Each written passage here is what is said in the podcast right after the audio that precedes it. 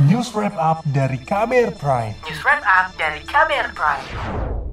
Saudara, pemerintah terus melancarkan program bagi-bagi sertifikat tanah sebagai langkah penyelesaian konflik agraria.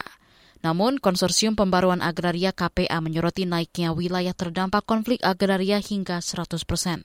Ditambah lagi masih banyak pendekatan kekerasan dalam penyelesaian konflik pertanahan ini. Bagaimana evaluasi penyelesaian konflik agraria selama ini? Simak laporan khas KBR disusun jurnalis Siti Sadida Hafsyah. Saudara Presiden Joko Widodo mengingatkan masyarakat mengenai pentingnya sertifikat tanah sebagai tanda bukti hak hukum atas tanah yang dimiliki. Jokowi mengatakan ketiadaan sertifikat menyebabkan sengketa tanah dan konflik tanah di mana-mana. Sekarang Bapak Ibu pegang, ada orang datang, ini tanah saya. Bukan, ini tanah saya. Ini sertifikatnya, pergi dia. Benar, karena tanda bukti hak hukum atas tanah sudah dipegang oleh Bapak Ibu semuanya. Dan konflik itu ada yang sampai 35 tahun, ada yang 15 tahun, ada 20 tahun, menghabiskan energi rakyat kita konflik antar tetangga, masyarakat dengan pemerintah, masyarakat dengan swasta, masyarakat dengan BUMN, banyak sekali. Salah satu konflik agraria yang diklaim berhasil diselesaikan pemerintah adalah konflik lahan suku anak dalam di Jambi yang telah berlangsung selama puluhan tahun. Dan saya juga senang urusan dengan suku anak dalam. Ini sudah lebih dari 35 tahun. Lebih dari 35 tahun, nggak rampung-rampung. Ya memang sulit, kalau sudah sengketa hukum itu sulit. Sulit menghabiskan tenaga, menghabiskan uang, menghabiskan aduh pikiran. Betul-betul sulit. Alhamdulillah sekarang yang suku anak dalam 744 bidang sudah diselesaikan semuanya dan satu keluarga dapat berapa hektar Pak? Satu hektar sudah rampung dulu Salah satu daerah yang memiliki banyak kasus konflik lahan adalah Kabupaten Jember, Jawa Timur. Bupati Kabupaten Jember, Hendi Siswanto berjanji segera menyelesaikan seluruh konflik agraria di wilayahnya. Optimisme ini ia sampaikan usai pemerintah menyelesaikan persoalan tanah antara PTPN 12 dengan warga Desa Sukamakmur, Kabupaten Jember dengan membagikan 390 sertifikat redistribusi tanah kepada warga sejak Desember 2022 hingga awal Januari 2023. Konflik lahan itu sudah berlangsung lebih dari 50 tahun.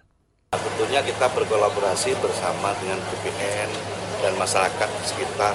Tentunya kita ketahui bersama bahwa masyarakat di Jember, khususnya di Sukamakmur, di Curanmongko semua semakin lama semakin memahami benar arti uh, dokumen itu penting. Maka kita segerakan cukup banyak ya dan ini hari ini tahapan pertama mudah-mudahan tahun ini 2023 sudah semuanya.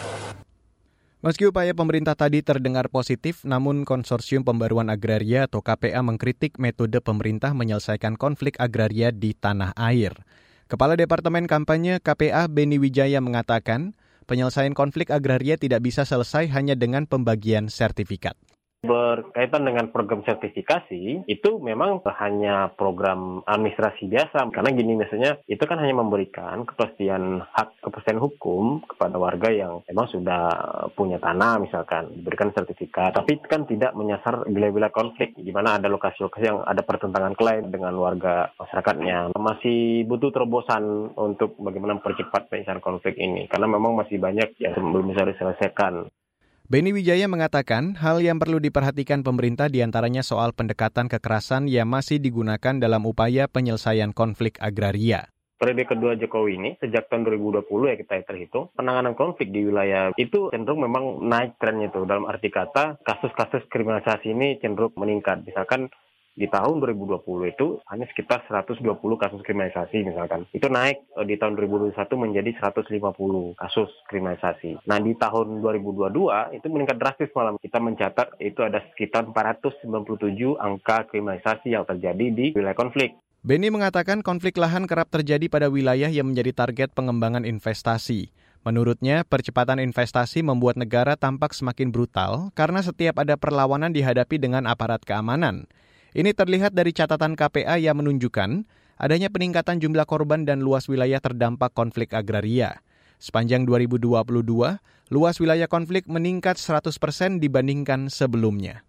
Untuk luasan ya, itu kan ada sekitar satu juta hektar konflik yang terjadi di sepanjang tahun 2022. Naik 100% karena di tahun 2021 itu hanya sekitar 500 ribu hektar. Begitu juga dengan korban terdampak dari tahun 2001 ke 2022 itu naik sekitar hampir 50%, 43% lah. Kepala Departemen Kampanye dari Konsorsium Pembaruan Agraria Beni Wijaya berharap pada tahun terakhir sebelum pemerintah disibukkan dengan pemilu ini, pemerintah mampu menyelesaikan konflik agraria dengan lebih baik dan progresif. Saudara, laporan ini disusun Siti Sadida, saya Reski Mesanto. Kamu baru saja mendengarkan news wrap up dari KBR Prime. Dengarkan terus kbrprime.id, podcast for curious minds.